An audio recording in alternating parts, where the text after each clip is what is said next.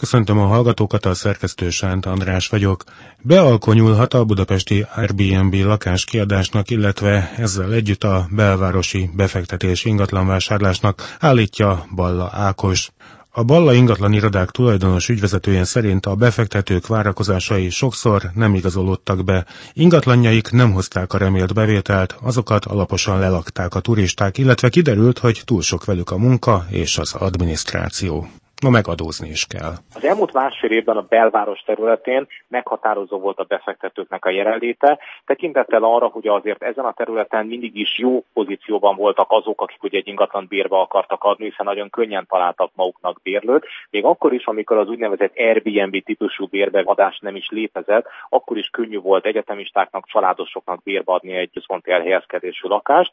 Erősítette ezt a pozíciót, amikor ugye pár évvel ezelőtt egy technológiai fejlesztésnek köszönhető köszönhetően ez a webes foglalási rendszer egyáltalán elterjedt vagy megerősödött. Ez ugye egy további keresletet zúdított a piacra, amelyet a piac úgy tudott lereagálni, hogy lényegesen meg tudta emelni a bérleti díjak árát ezen a területen, illetve ugye ez a bérleti díj emelkedés az egész fővárosban tapasztalható volt, de a legerősebb azokon a helyszíneken volt, ahol van turisztikai értéke is az adott destinációnak. Mégis magyarázatként tegyük hozzá, hogy mi is az az Airbnb? Ez ugye egy olyan rövid távú bérbeadás, amikor akár egy-két éjszakára lehet egy idegen városban szállást foglalni. Ez ugye versenyzik a szállodapiacsal, és szolgáltatások tekintetében sem a klasszikus ingatlan bérbeadáshoz tartozik, hiszen ugye itt nem csak egy üres szobát kapunk, hanem kapunk bútorokat, ágyat, sőt törölközőt, takarítást, és bőven van hozzáadott érték a tulajdonosok részéről, de viszont ennek a napi díja is ugye valahol a szállodai szolgáltatásokkal próbál vetélkedni, illetve azok alatt marad,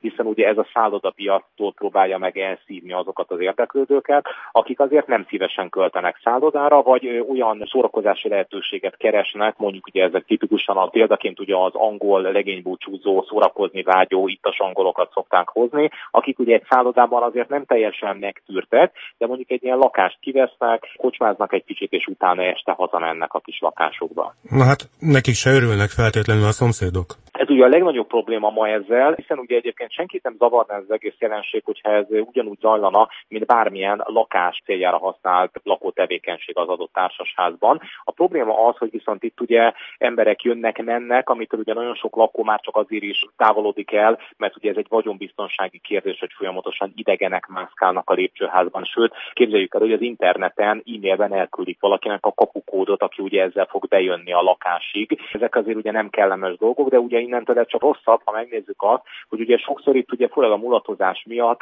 hajnalban zajongva jönnek haza ugye az itt lakók. Azt gondolom, hogy nem szívesen tolerálják azok, akik viszont ugye az év 365 napján lakásra használják ezt az ingatlant, esetleg kisgyermekesek vagy idősek. És azt mondja tehát, hogy bealkonyul az Airbnb-zésnek? Legalábbis viharfelhők jönnek az égen több szempontból. Egyrészt azért, mert azt látjuk, hogy nem mindenkinek jöttek be a számításai, tehát miközben másfél-két évvel ezelőtt hirtelenjében megjelentek azok a vevők, akik mindenféle optimista üzleti tervel álltak elő, és kiszámolták, hogy ha ő nekik ugye ez egy magas napi bevételt hoz, kiszámolták, hogy ez 15-20 napot mindig bérbe lesz adva, akkor ez nekik mekkora havi bevételt jelent. A valóság nem ezt mutatja, a valóság azt mutatja, hogy nem mindig van annyi napot bérbe vadon, mint ahányszor tervezték, hogy oda kell menni, ezzel dolgozni kell, ágyneműt húzni, vagy akár eszközöket kell pótolni. Ugye ez egy üzleti jellegű tevékenység, tehát akinek nem jött be a számítás, az ma már nem akar egy második lakást venni, az inkább eladóként jelenik meg a piacon, és ma már találkozunk ezekkel az eladókkal. A második lépés ennek az, hogy az emberek ugye egyre jobban kezdik észrevenni azt, hogy bizony ezt adófizetési kötelezettség terheli.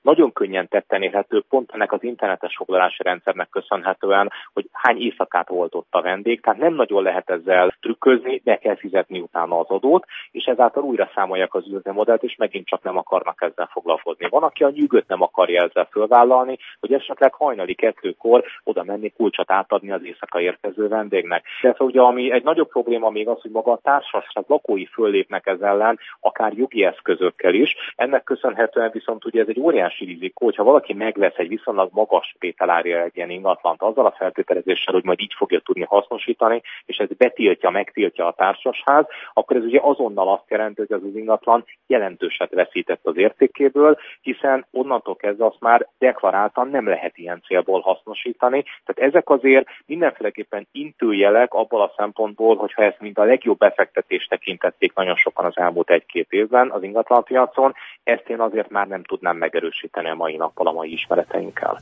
Balla Ákost, a Balla ingatlan irodák tulajdonos ügyvezetőjét hallották.